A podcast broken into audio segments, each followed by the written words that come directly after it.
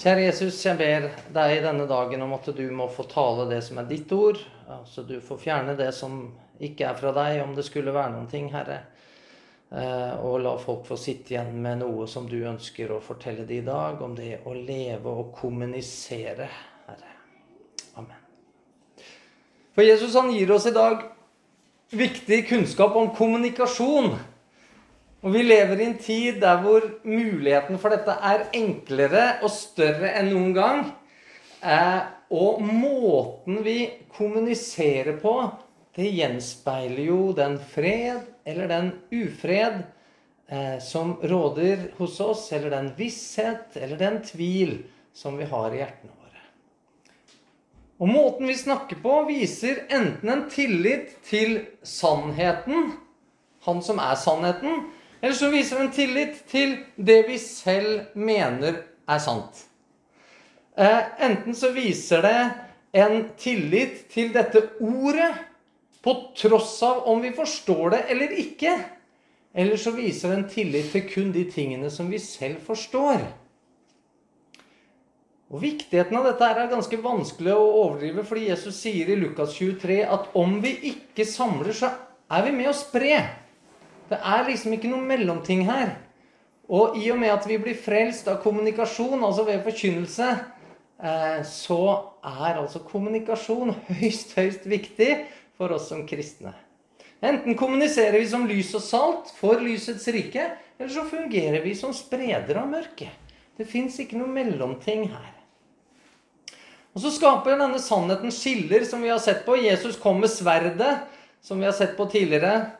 Eh, og så skiller han selv de mest intime menneskelige forhold.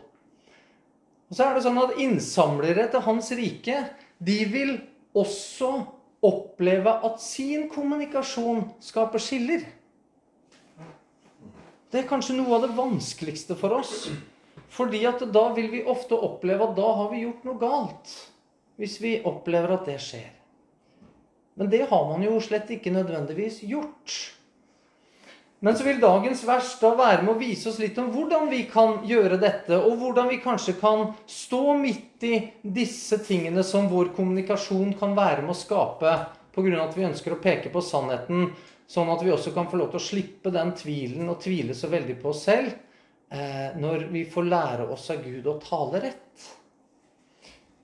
Så da leser vi fra Matteus 5, og det er jo vers 33 og til 36 vi starter med. Og i programmet så var det en liten glipp, for der var det ikke kommet med akkurat det. Men vi starter Matteus 5, 33. Og Jesus han har referert noen ganger allerede nå i bergprekene til hva folk har hørt det er sagt. Og vi har snakka litt om hvorfor han bruker det uttrykket. Men dere likeså har dere hørt det er sagt til de gamle. Du skal ikke sverge falsk ed, men holde for Herren dine eder. Men jeg sier dere, dere skal i det hele ikke sverge, verken ved himmelen, for den er Guds trone, eller ved jorden, for den er hans fotskammel, eller ved Jerusalem, for det er den store konges by. Heller ikke skal du sverge ved hodet ditt, for du kan ikke gjøre et eneste hår hvitt eller sort. Og jeg vet ikke sånn, Jeg leser jo dette her og tenker 'hjelpe meg', hva i all verden skal jeg si om dette her? For jeg mener, det er ikke så veldig mye edsinngåelser og så veldig mye sverging jeg møter i min hverdag. Jeg vet ikke åssen det er med deg. Eh, jeg husker jo fra jeg var barn. Da var det jo sånn at det, det var både kors på halsen og det var ti kniver i hjertet. og Det var liksom ikke måte på. Eh, men som voksen så opplever jeg altså ikke så veldig mye sånn. Og det kan jo selvsagt ha kanskje litt med miljøet som jeg ferdes i. Det kan ha å gjøre med at vi bor i en kristen kultur der vi har jo lært litt av at vi, vi skal ikke på en måte kommunisere med disse virkemidlene, om vi skal kalle det det. Eh, så er det kanskje noen andre grunner også som er viktigere, som vi kan se litt på.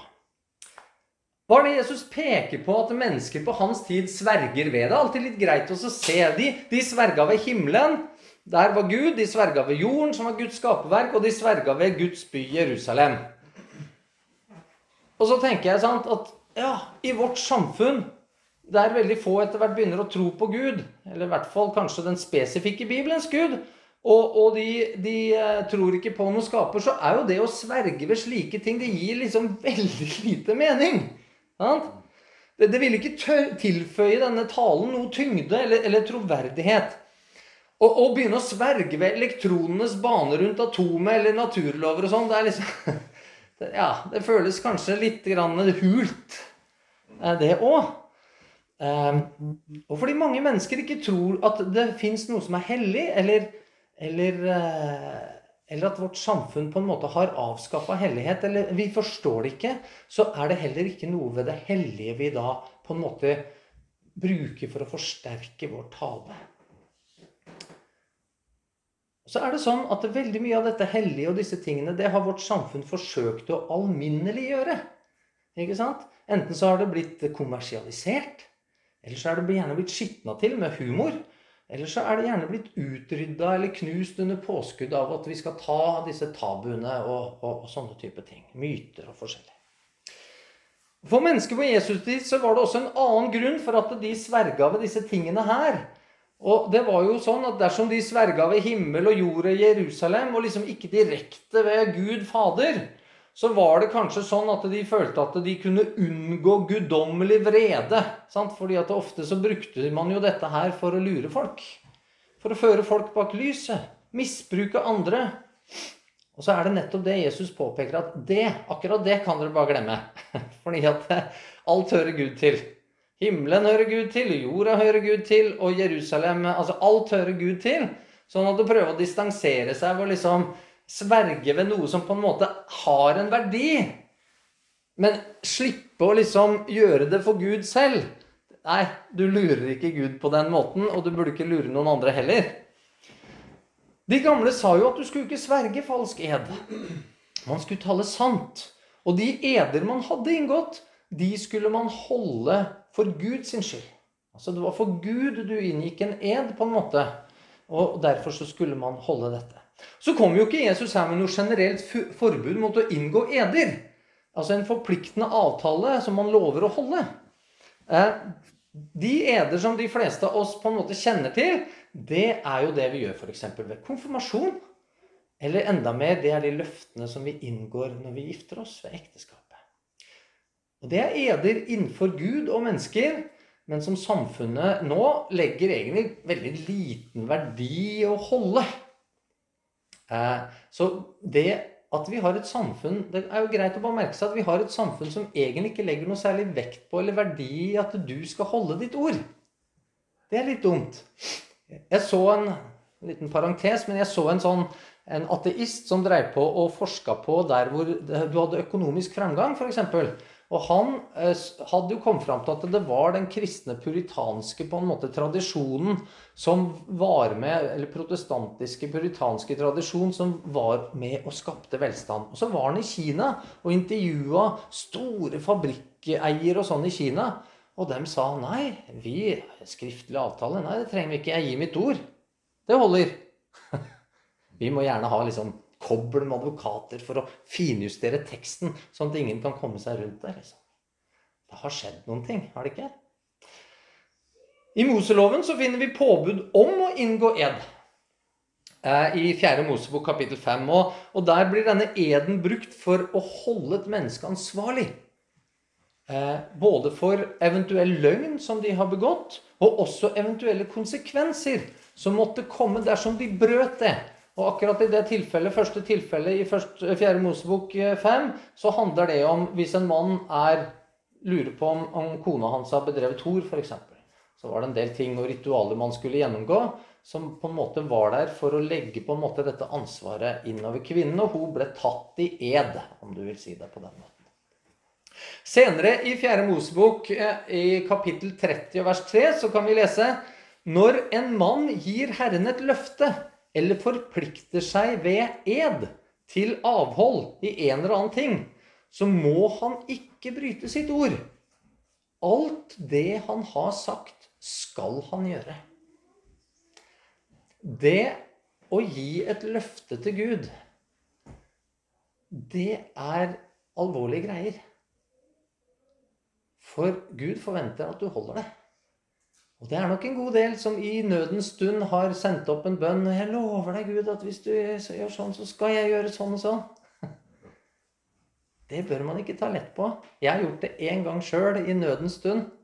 Eh, og da ga jeg Gud mitt ord på noe, og det løftet det har jeg forsøkt å holde. Og jeg ønsker jeg prøver å holde fram til jeg dør, eller han kommer igjen for å hente meg.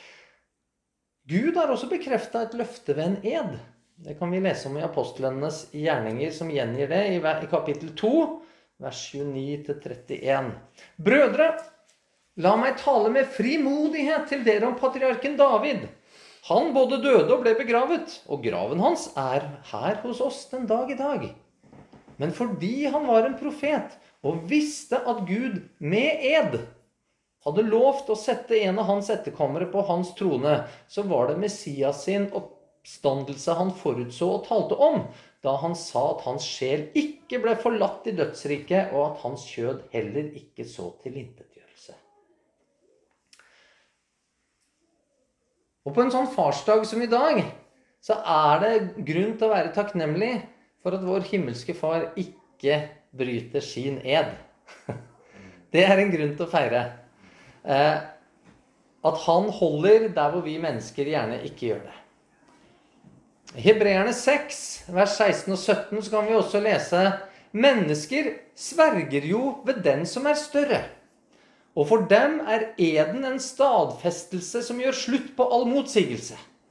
Da Gud så ville vise løftets arvinger desto mer klart sin uforanderlige vilje, bekreftet han det med en ed.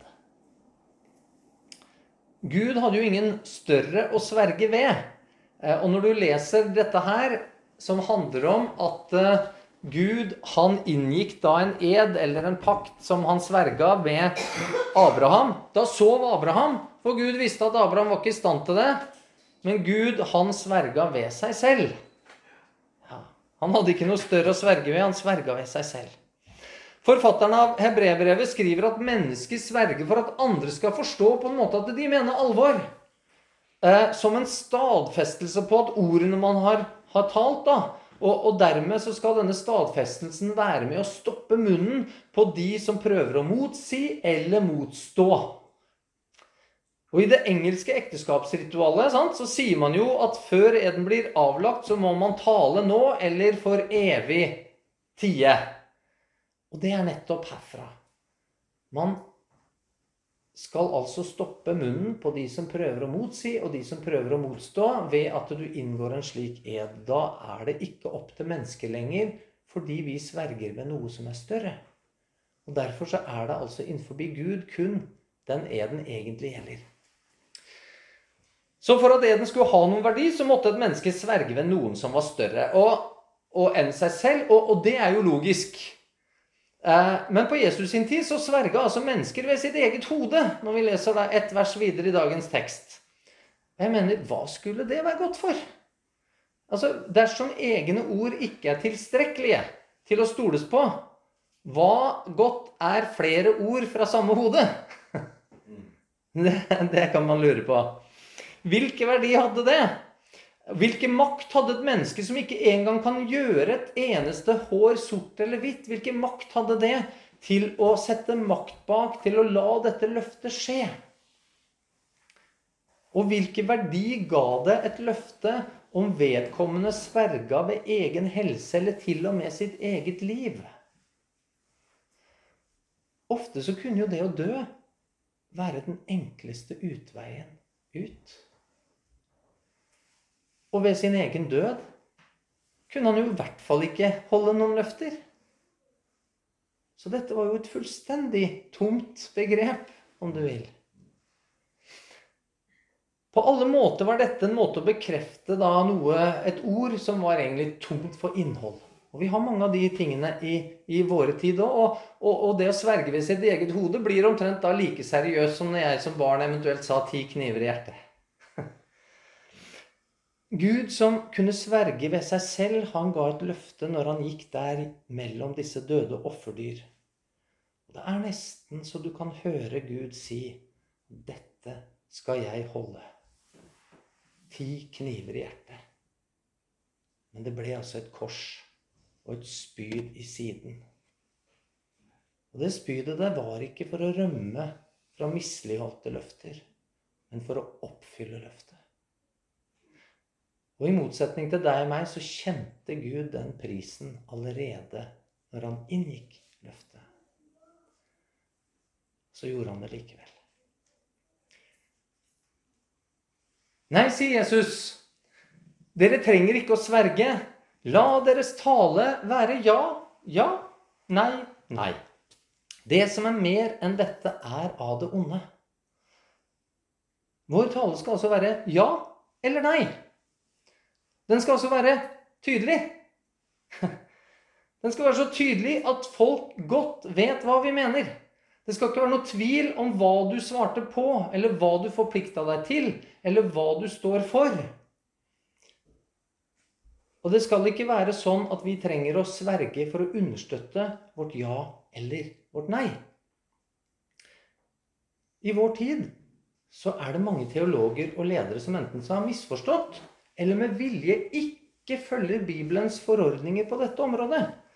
De synes å være slike som sier ja og nei. Ja og nei. De sier mer tja eller nja, om du vil. Det er liksom et ja til ekteskap mellom mann og kvinne, og samtidig et nei til ekteskap bare mellom mann og kvinne. Eller det er et ja til Adam og Eva, og, og, samtidig et nei til at de var de første mennesker. Eller et nei til at de noen gang har eksistert. Av en eller annen grunn så klarer de å si både ja og nei samtidig. Og på den måten så skal de framstå altså tolerante og, og bra og, og, og, og omtenksomme og omgjengelige og. Og så videre. Og da har de jo ikke tydelighet, men det er tvil som preger de. Etter at jeg kom ut med denne boken 'Skapelse og evolusjon', hva sier Bibelen, i 2014, så opplevde jeg som da forfatter veldig mye kritikk. Jeg opplevde utestengelse og direkte latterliggjøring fra kristne og kristent lederskap. Og boken den er tydelig. Den gir et tydelig ja til en god skapelse og et tydelig nei til lidelse i millioner av år og evolusjon. Og en av dem som imøtegikk boken, det var en teolog som heter Halvard Jørgensen. Og han hadde sin private bloggside som het ja, nei, blogspot.com. Ja, nei, blogspot.com.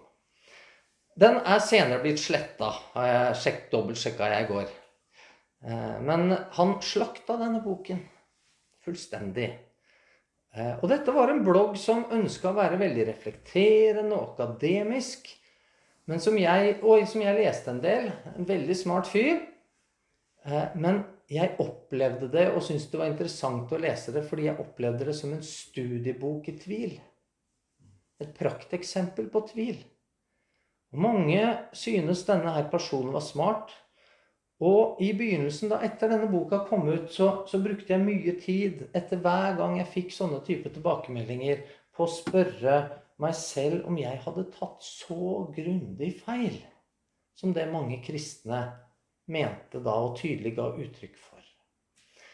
Og Så gikk jeg alltid til Gud med denne tvilen, og så opplevde jeg veldig sterke bekreftelser akkurat i den tiden hvor jeg trengte å oppleve det, i møte med Guds ord i Bibelen.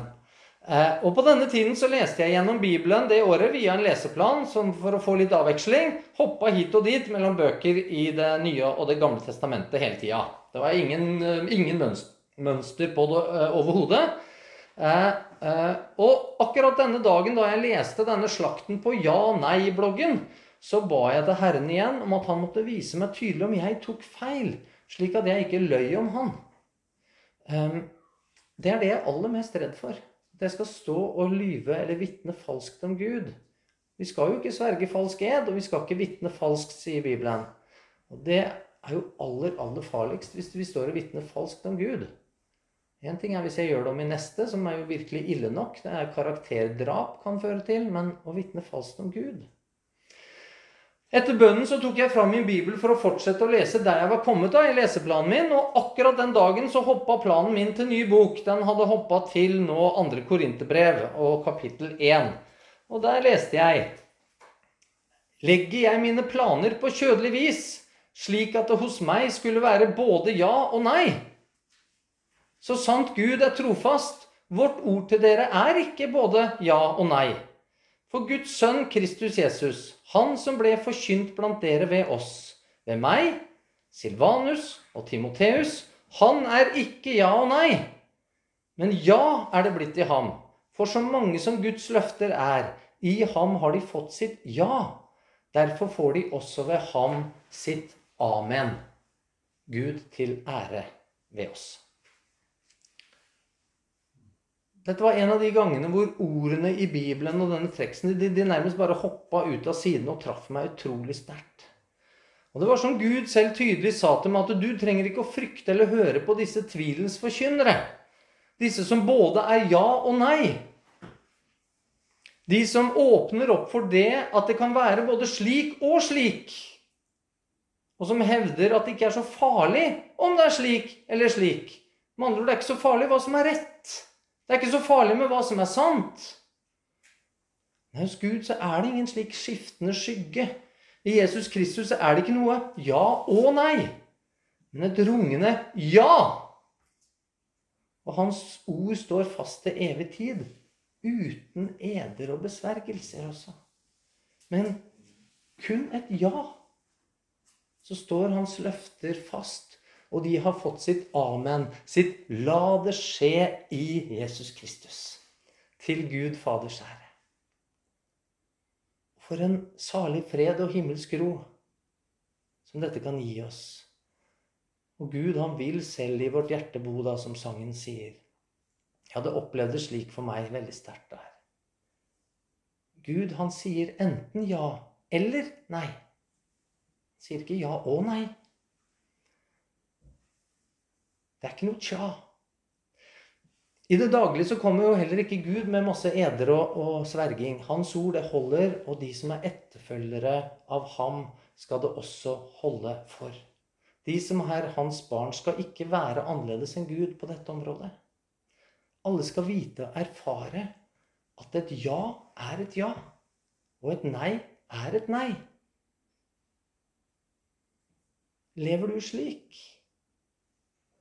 I forhold til menneskene rundt deg? Kan de stole på deg? I business, som ansatt, som frivillig, som far, som mor, som ektefelle?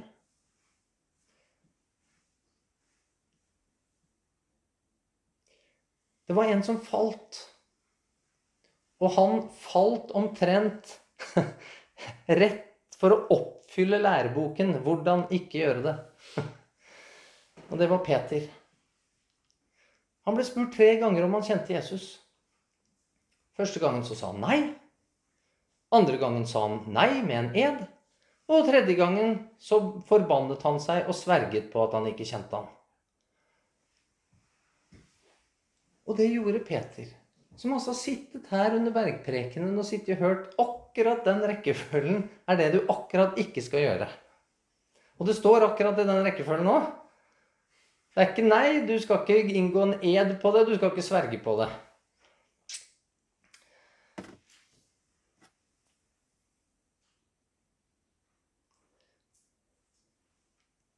Hva med dine unnvikende svar rundt kristen tro og lære? Eller om de er unnvikende. Det er ikke noe mindre alvorlig enn Peters sine. For ved slike unnvikende svar så setter du tvil ved Guds evne til å kommunisere eller bevare sitt ord. Du kaller lett Gud indirekte en løgner og vitner raskt falskt om hvem Gud er, eller hva Gud har gjort. Så Gud han kaller deg i dag til et oppgjør rundt dette, til å la ditt ja være et ja og ditt nei være et nei. Og om du ikke vet, så er det lov å si det, ja. Jeg vet ikke. Et oppgjør til at ditt vitnesbyrd, din tale, blir tydelig og sann. Tydelig og sann. Og så fant Peter nåde for oss, for meg, som har svikta når det gjaldt. Når vi, når vi virkelig hadde muligheten. Så får vi lov til å fly til Jesus. Så får vi oppreisning og ny frimodighet til å la vårt ja være ja og nei være nei. Å sverge og inngå eder, det handler om å etablere sannhet. Og formidle sannhet. Og mest så handler det egentlig om å prøve å overbevise andre om at noe er sant. Det er derfor vi gjør det. Vi tar liksom litt i for å overbevise noen. At det har skjedd, det som du hevder har skjedd, eller det som nå skjer, eller det som skal skje i framtiden, at det er sant, det du kommer med. Det er det det handler om. Og Jesus har sendt sine disipler ut i verden for å forkynne den aller, aller største og aller viktigste sannheten. Men i dette oppdraget så hører det ikke med å underbygge den sannheten på noe som helst måte. Du trenger ikke å sverge eller lage edere eller underbygge det med noe annet. For det er av det onde, sier Jesus. Det er av det onde. Og grunnen er at vårt ord i seg selv har jo ingen verdi til å kunne stadfeste denne sannheten. At vi tilslutter oss til den helhjertet og sverger på at det er sant, er fullstendig irrelevant for om det er sant eller ikke. Det har ingenting å si. Det handler ikke om mengden som stiller seg bak dette. Det handler ikke om noen flertallsavgjørelse eller hvor flinke vi skulle være av våre verbale gaver til å kunne overbevise noen om dette. Og mest av alt så vil bruk av ed og sverging i vårt vitnesbyrd være av det onde fordi vi med det har sluttet å være vitner og gått over til å være noe annet. Vi har da påtatt oss en rolle som ikke er vår. En oppgave vi ikke er gitt. Det er Den hellige ånds rolle å overbevise om sannhet. Og for oss så skal det altså holde med et ydmykt ja eller nei. Ikke fordi at eh, mitt ja eller mitt nei eh, har noe verdi i seg selv, det heller, isolert sett. Men fordi vi da ikke står i veien for Gud. Vi står ikke i veien. Snarere blir så vårt ja eller nei veldig verdifullt fordi mennesker skal kunne se Gud gjennom det. Fordi vi vitner også på måten vi kommuniserer på om en tillit til Gud og Hans ord. Slik at andre mennesker også kan få tillit til ordet. Og også til vårt vitnesbyrd og våre ord, fordi Han er sannhet som styrer vår tale. Fordi vi vitner om Han, og fordi vi over tid bygger tillit ved å ikke sverge falsk ed. Apostlene var veldig opptatt av det her. Hør hva Paulus skriver der i 1. Korinterbrev kapittel 2, vers 1-5. Og da jeg kom til dere, brødre, kom jeg ikke med mesterskap i tale eller visdom da jeg forkynte dere Guds vitnesbyrd. For jeg ville ikke vite av noe blant dere uten Jesus Kristus og Han korsfestet. Jeg var hos dere i svakhet, under stor frykt og beven, og min tale og min forkynnelse var ikke med visdoms overtalende ord, men med ånds- og kraftsbevis, for at deres tro ikke skulle være grunnet på menneskelig visdom, men på Guds kraft. Paulus han forsto sin rolle som vitne. Han forsto hva det betydde. Han forsto også sin rolle på Kristi kropp. For vi har jo ikke alle samme rolle der. Og det skriver han litt om i 1. Korinterne 1,17 i kapittelet før. For Kristus har ikke utsendt meg for å døpe, men for å forkynne evangeliet, og det ikke med vise ord, for at Kristi kors ikke skulle tape tape sin kraft. Tape sin kraft. Jesus så det ikke som sin oppgave å døpe, enda han strengt tatt var jo han som grunnla menighetene rundt forbi. Han var pastor der i all henseende av hvordan vi kan forstå dette ordet. Men han ville altså ikke døpe. Det var liksom ikke hans jobb. Og det var en forkynnelse som altså ikke måtte være preget av ord eller handlinger som skulle innynde til at mennesker fikk tillit til Paulus. Eller at de så på handlinger og svarene som han ga, som mer hellige enn om de var utført av andre kristne. For da ville Kristi kors tape sin kraft. Og det er, Hvordan er det med deg og meg? Med, med våre ord og handlinger her?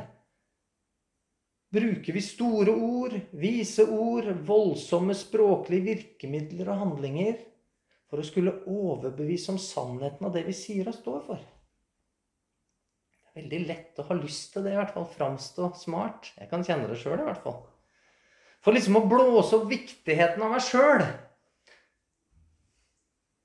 Salig er de ydmyke, har jo Jesus nettopp stått og undervist om. Og denne ydmykheten vises i vår tale med våre ja eller nei. Paulus hadde mulighet til å bruke store ord. Hvis det er noen som har hatt det, så er det han. I hvert fall ikke meg. Han ble rykka like inn i himmelen og fikk høre noen ord der som var så store at han ikke noe menneske kunne gjengi de engang. Da kan du bruke store ord. Men likevel så skriver Paulus dette i 2. Korinterne 12,6. For om jeg likevel skulle ønske å rose meg, ville jeg ikke bli en dåre. For det jeg sa, ville være sant. Til og med. Om jeg skulle ønske å bruke dette, så ville det være sant. Men jeg lar det være for at ingen skal ha høyere tanker om meg enn det han får ved å se og høre meg. Det krever sin mann når du har opplevd det han har opplevd. Peter beskriver sin, sin vitnesbyrd på denne måten i 2. Peter 1,16. For det var ikke kløktig uttenkte eventyr vi fulgte da vi kunngjorde dere vår Herre Jesu Kristi makt og gjenkomst, men vi hadde vært øyenvitner til Hans storhet. Mitt vitnesbyrd til dere var ikke kløktig uttenkte ord. Det var ikke gjort spektakulært, sånn at det ble nærmest et eventyraktig i et forsøk på å overbevise dere om at dette var sant. Nei, jeg var et øyenvitne, og jeg har forsøkt å gjengi det sant og rett. Og så kommer han. Men mine ord er ikke det som skal overbevise dere. Og desto fastere har vi det profetiske ord, som dere gjør vel i å akte på. Det er som en lampe som lyser på et mørkt sted inntil dagen lyser fram, og morgenstjernen går opp i deres hjerter. Peter har akkurat samme holdning her som det vi ser hos Paulus. Det ordet dere virkelig skal sette deres lit til, det er Guds ord. Er vår tillit til Bibelen slik som Peter og Paulus sin tillit her, eller trenger vi å bruke egne ord, egen fornuft, egen visdom? Har vi også begynt å sverge ved vårt eget hode? Ja, det tror jeg vi har. Etter hvert som menneskelige bragder har økt, etter hvert som vi tror at vi kan bestemme fargen på håret, om det skal være hvitt eller svart eller rosa Om vi skal se ut som vår alder eller med hvitt hår eller kunne operere oss til å se yngre ut med sort hår så har vi begynt å sverge ved vårt eget hode igjen. Vi har glemt at denne hårfargen vi er så stolt av, den vaskes veldig lett ut. At våre oppdagelser stadig viser oss hvor feil vi tok i går. At vi slett ikke på noen måte har kommet det minste tøddel videre i det som er vårt egentlige problem og utfordring, nemlig synden den er like alvorlig som før. Fallets konsekvenser er like reelle som før. Og døden vil inntreffe enten hårfargen er sort eller hvit.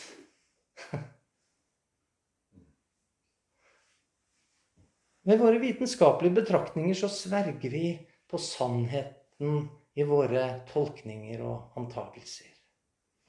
Så overbeviser vi folk rundt oss om fortreffeligheten av våre oppdagelser og produkter. Ja, ja, selv når det skader mennesker rundt oss. Når det gjør folk syke. Ja, selv når de dør av det, så lar vi oss ikke hindre av det. Guds ord stiller vi oss tvilende til. Men mennesker som sverger ved sitt eget hode, ved sitt eget vett, dem flokker vi oss rundt, og dem inviterer vi til møter og seminarer i kirker og bedehus.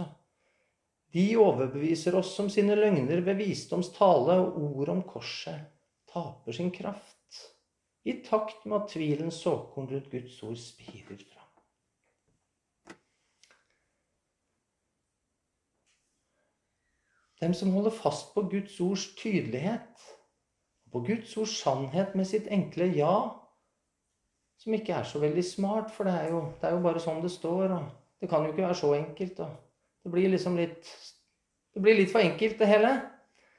Og som avviser løgnens bedrag med sitt enkle nei. De, de støtes ut. De får stadig færre plasser å forkynne på. Og slik fratas da mennesker, som Jesus sier, selv det de har. Fordi man heller velger å sverge ved sitt eget hode. Må Gud se i nåde til oss. Kjære Herre, vi, vi ser at uh, dette er utfordrende for oss. Det er utfordrende en tid som sies og ønsker å være vitenskapelig, og som, og som, også har gitt oss mye godt, og som er viktig for oss, og som vi også eh, får lov til å høste mye godt ifra, Herre. En, uh, et samfunn som, som tror de vet mye mer enn det de vet, og som som mener de har svar der det kanskje ikke er så mye svar. Og så har vi gått vekk fra Herre vårt enkle ja og vårt nei som vitner, og så begynner, har vi begynt å sverge ved vårt eget hode igjen, Herre. Ved vår egen rasjonalitet, våre egne tanker og visdom. Og så da står vi i veien for deg, Herre. Og korset, det taper sin kraft. Og det ser vi i vårt samfunn, Herre, for det har tapt så mye at det er snart ingen igjen som virkelig ønsker å tro på det i sin enkle form, slik du har åpenbart det for oss. Herre, må du gi oss nåde til å tørre å være slike enkle vandringsmenn som får lov til å la vårt ja være ja, og vårt nei være et nei. I Jesu navn. Amen.